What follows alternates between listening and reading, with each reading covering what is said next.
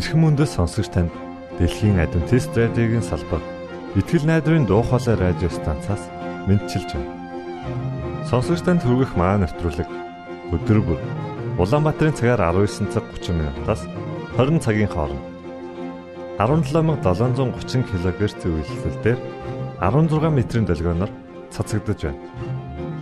Энэхүү нэвтрүүлгээр танд энэ дэлхий дээр хэрхэн аз жаргалтай амьдрах талаар зарчим болон мэдлэгийг танилцуулахдаа бид таатай байх болноо.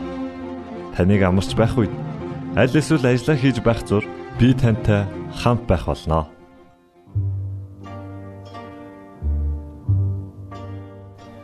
Энэ удаагийн нэвтрүүлгээ бид Silent Night хэмээх дуугаар эхлүүлж байна. Харин үүний дараа X үзлэл нэвтрүүлгийн цуврал дугаарыг хүлээн авч сонсноо. Ингээд хөгжмөдөө ойртон сууна. Сайн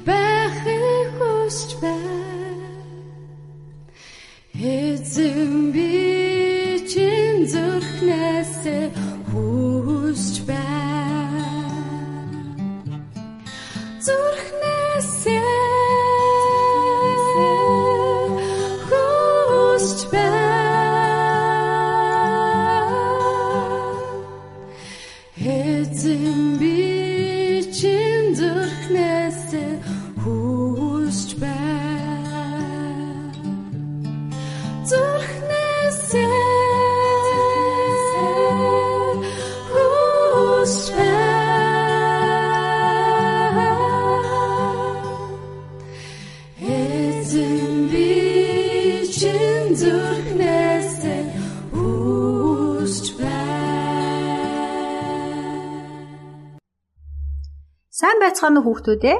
Өнөөдрийн бидний сонсох түүх бол Тусгай оройн зог. Өнөөдрийн бидний цээжлэх ишлэл Иохан номын 13-ийн 1. Тэр тэднийг эцэст нь хүртэл хайрлав.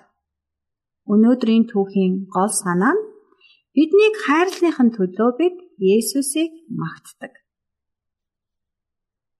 Хоол идэхээс өмнө гараа угаа гэж хэн та нарт сануулдаг вэ? Олон жилийн өмнө Есүс дагалдагчдаа ийхүү үлджээ. Петр гэж Есүс аяархан дуудав. Чи Йохантай хамт хот руу ороод ир. Домтоо ус барьсан хүнийг олж уулзаад дээгүүр өнгөрөх баярын зоогийг барих өрөө байна уу гэж асуув. Петр Йохан хоёрч тэр хүнийг олсон бөгөөд Есүс зариулсан өрөө байгаа эсхийг нь асуув. Тэр засаж бэлтгэсэн дээд талынхаа том өрөөг үзүүллээ. Хөл угаахад зариулсан төмпөнтэй ус хідэн алчуур өрөөнд харагдаж байлаа. Гэвч нэг юм дутуу байлаа. Бидний хөлийг угаах үйлчлэгч тэнд байсангүй. Хоол идэхээс өмнө үйлчлэгч зочдынхоо хөлийг угааж өгдөг ёс манад байсан юм а. Бид бүгдээрээ углааш өмсдөг. Тэр үеийн зам ердийн шорон зам байсан. Тийм болохоор өдөржингөө алхахад хөл маань маш бохор болдог байлаа. Есүс дагалдагчдынхаа хамт өрөөнд орж ирэв. Гэхдээ Петр эднийг үйлчлэгч байхгүй юм байна гэдгийг түн хэлээгүй байсан юм а. Бусад дагалдагчдч бас энэ талаар юу ч дурссангүй. Бүгд ширээ тойроод иймэрхүү байдлаар хажуудад сууцгаалаа. Бүгд л хоолоо идэхэд бэлэн болов. Хүн болгон өрөөнд доторхыг тойруулан харсан. Бидний хинэн ч үйлчлэгчийн үүргийг гүйцэтгэхийг хүсээгүй юм. Харин бүгд л дотроо яаж агуу дагалдагч болох вэ гэж бодцоож байв. Бусдынхаа хөлийг угааж өгнө гэдэг талаар бол бүрч санахын ч хэрэггүй байлаа. Гэтэл Есүс өндийн бослоо. Тэрээр хүрмээ тайлж тавиад бүслэхийгээрээ нэгэн том алчуур оров. Тэгээд төмхөнд ус хийгээд дагалдагчдынхаа хөлийг угааж эхэлсэн юм да. Есүс бол Бурхны хүү гэдгийг бүгдээрээ мэднэ. Тэр биш харин дагалдагчд нь түүний хөлийг угаах ёстойгоо ч ойлгож байлаа. Тэд чимээгүй суусаар л байв. Хинэн ч туслахаар боссонгүй.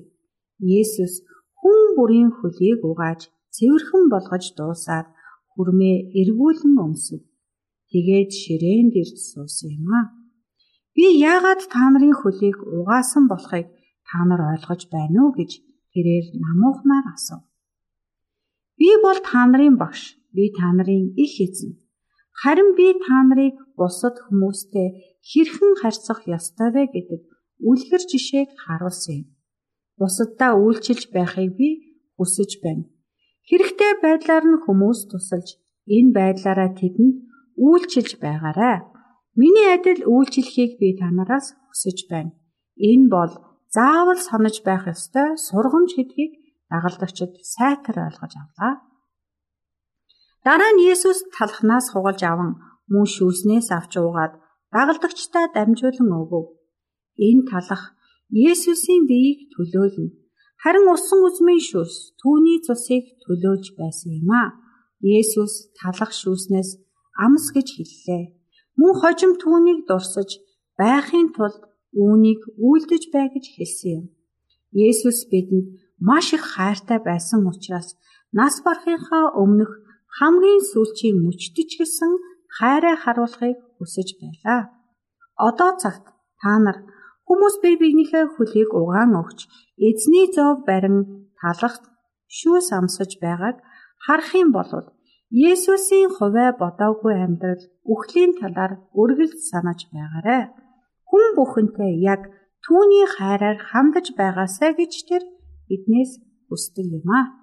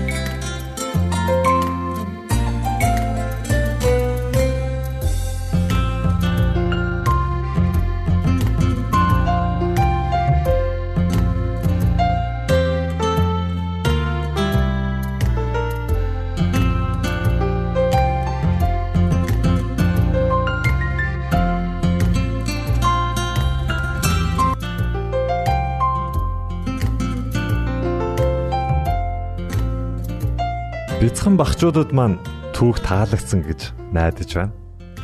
Ингээд та дараагийн нэвтрүүлгээ хүлээн авч сонсноо.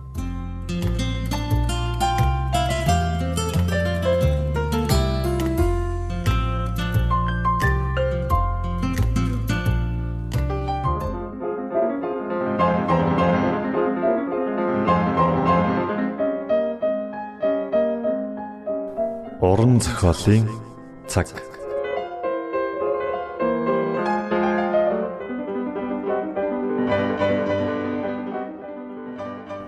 Нүгэлт хүнд аврагч хэрэгтэй.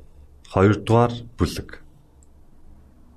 Хүнийг анх бүтээхэд тэрээр ариун сайхан чанартай, төв төлөв оюун ухаантай байв. Хүн төгс төгөлдөр бүтээл байсан бөгөөд бурхантай өв зүйтэй амьдарч байлаа. Түүний бодол санаа нь цэвэр ариун. Хүсэл эрмэлзэл нь гэгээн сарвал авэ. Гэвч дуулуургүйгээсээ болж сэтгэл нь буруудаж, хуваа хичээх үзэл зүрхнээс нь хайрыг шахан гаргажээ. Гив нүгэл хүнийг маш сулруулж, муу мухай амийг биедан эсэргүүцэх тэнхэлгүй болгов.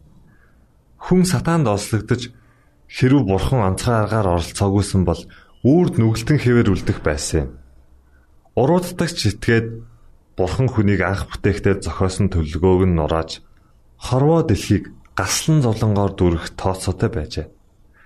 Ингэснээрээ сатан нүглийн бүхий л үүр уурхайг хүнийг бүтээгч бурхан буй болгосон гэж зэмлэн буруу шах санаатай байсан юм. Хүн гим нэглгүй байх үедээ мэрэгэн ухаан болоод мэдлэгийн бүх эрдэнэс нуугдсан бүтээгч лүгэ баяр баясгалантай харцаж байсан юм. Гэвч хүн нүгэлд онсныхаа дараа гэгээн амьдрал баярлаж хөөрхөөж бүр болж бурхнаас нүүр буруулж даалд орохыг ирмэлцэх болсон билээ. Шинтгэгдээгүй хүмүүс одоо хүртэл иймэрхүү л байдалтай байна. Тэд бурхантай нийцдэггүй. Түүнтэй харцахдаа баяр жаргалыг эдэлж чаддгүй байна. Нүгэлт хүн бурхны дэргэд аз жаргалтай байж үл чадах ба ариун эмстэй харилцахаас зайлсхийх билээ. Тим хүн тэнгэрт дэлгээгдлээч баярлаж хөөрөхгүй байхсан билээ. Зүрх сэтгэл бүхэн бүтээгчийн хязгааргүй хайр нэрлийг урайлахын хүлээж авдаг. Тэр газар ч гэсэн нүгэлт хүний сэтгэл үл сэргэгсэн билээ. Тэнгэрт амьдрахстын ариун дагшин хүсэл сонирхол бодол сэхэрэл түнд маш хол хөндөй байхсан. Нүгэл хүн Тэнгэрийн аяа гисхийг эвдэн утах үзээ.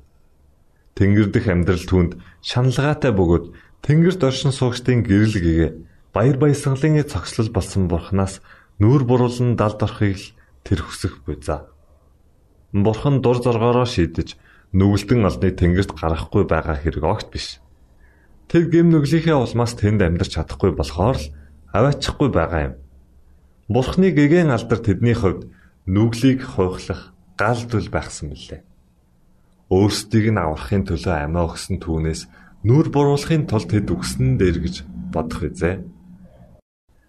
Бид өөрсдийнхөө буруугаас болж унсан нүглийн харанхуй ангалаас биедан гарч чадахгүй. Бидний дотор муу юм ашиж бид өөрсдийгөө өөрчилж чадахгүй байна. Хэн бузраас цэврийг бий болгож чадах вэ? Хэн ч үгүй. Махан биеийн бодол санаа бол бурхны эсрэг дайсагнал юм. Учир нь энэ нь бурхны хууль захирагддаггүй бөгөөд тэгж чадахгүй. Соёл, боловсрал, хүсэл зэргийн дасгал Хүний хүчин чармайлт орчиндоо л зохистой сайн болож энд хүчин мөкснөө. Тэдгэрийн тусламжтайгаар өнгөн дээрээ зөв зохистой байж болох боловч сэтгэл санааг өөрчлөх юм уу? Эсвэл амьдралын их сурвалжийг ариусгах чадахгүй. Нүгэлтэн хүнд ариун болохын тулд дотроос үйлчлэх хүч, дээрээс заяах шинэ амьдрал аргагүй чухал. Тэр хүч бол Христ. Гагцгүй түүний ивэл сэтгэл санааны доройтлыг сэргээж бурхан хийгээд ариун эсэн татаж чадна. Аврагч айлтсан нь хэн дээрээс эс төрн өөрөөр хэлбэл хэрв хүн шинэ амьдрал өөд хөдлөх шин сэтгэл, шин хүсэл, шин зориг олж авахгүй юм бол бурхны хандлыг олж харахгүй. Хүнд байглаас даяасан сайн сайхан зүйлийг л хөгжүүлэх хэрэгтэй мэтэр боддог хүмүүс гүнзгий төрөлдөж байна. Төрлөх хүн бурхны сүнсний зүйлсийг хүлээн авдаггүй. Учир нь тийм хүнд эдгээр нь монхог явдал бөгөөд эдгээрийг ойлгож чадахгүй.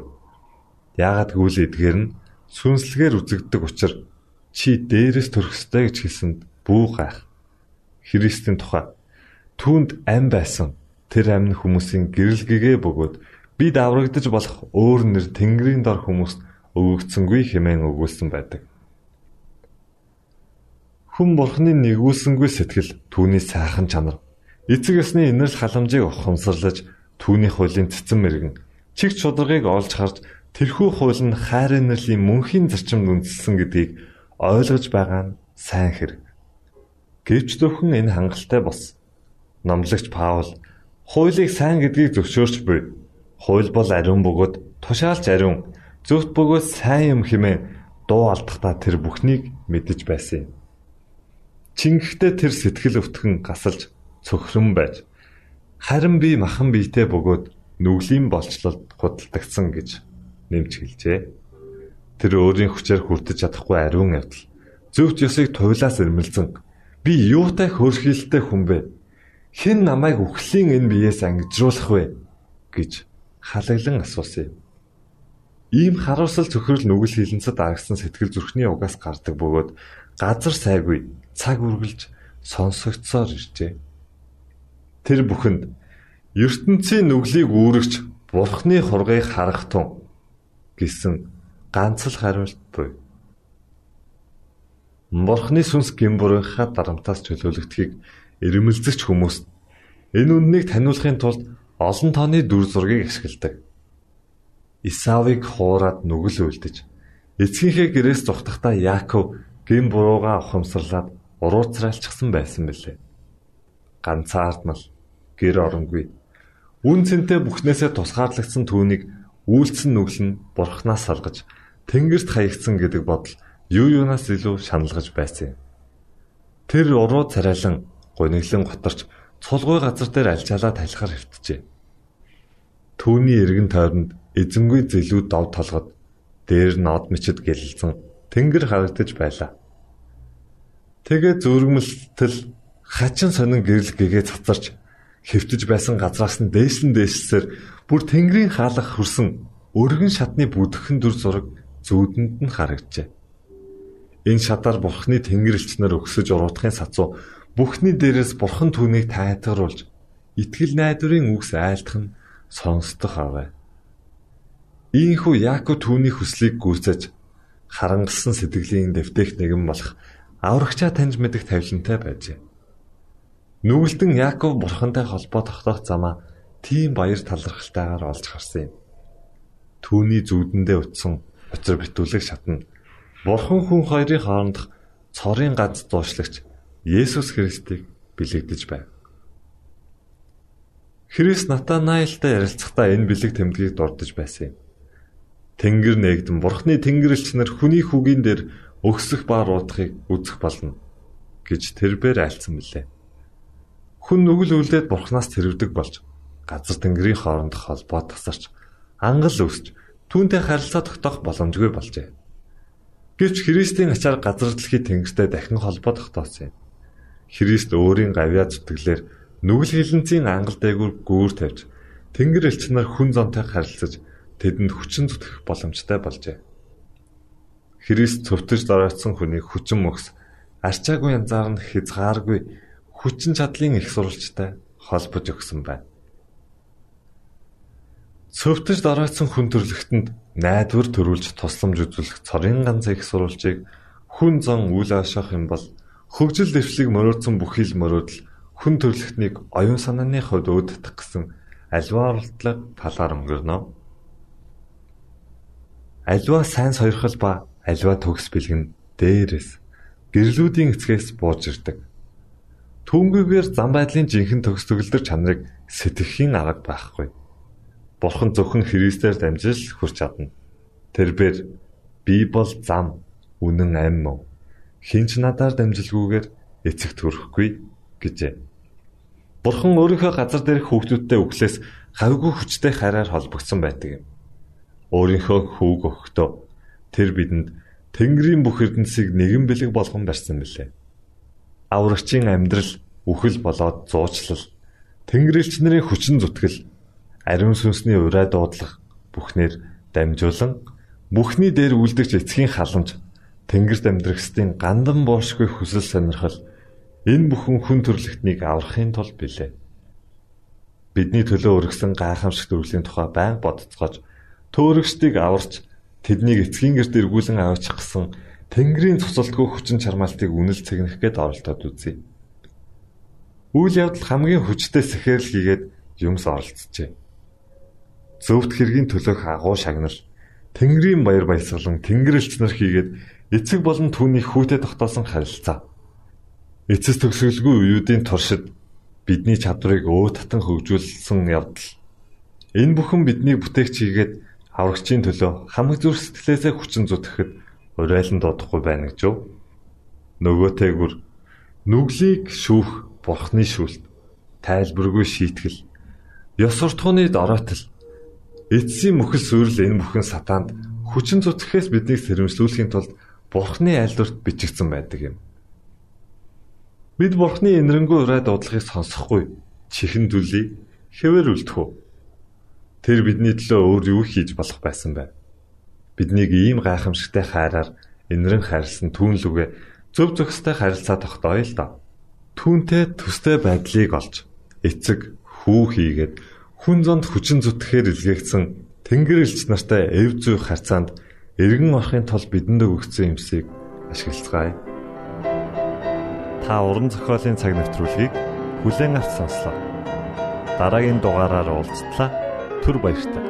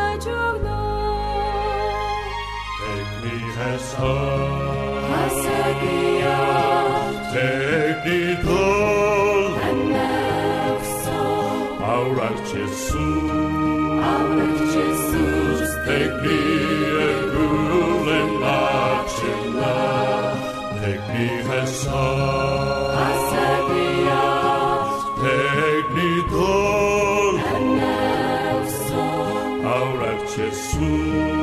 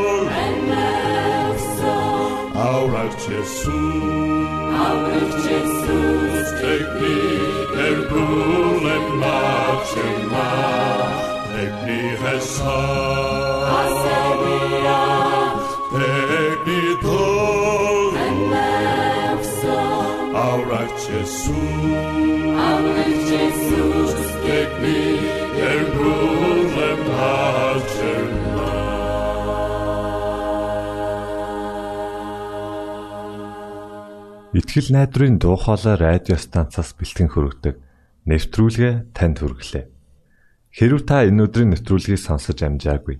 Аль эсвэл дахин сонсохыг хүсвэл бидэнтэй дараах хаягаар холбогдорой.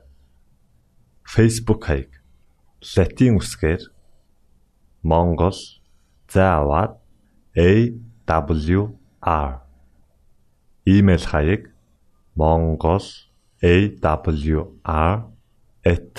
@gmail.com Манай утасны дугаар 976 7018 24 9 Шуудангийн хаяг 16 Улаанбаатар 13 Монгол улс Биднийг сонгон цаг зав аваад зориулсан танд баярлалаа. Бурхан таныг ивээх болтугай.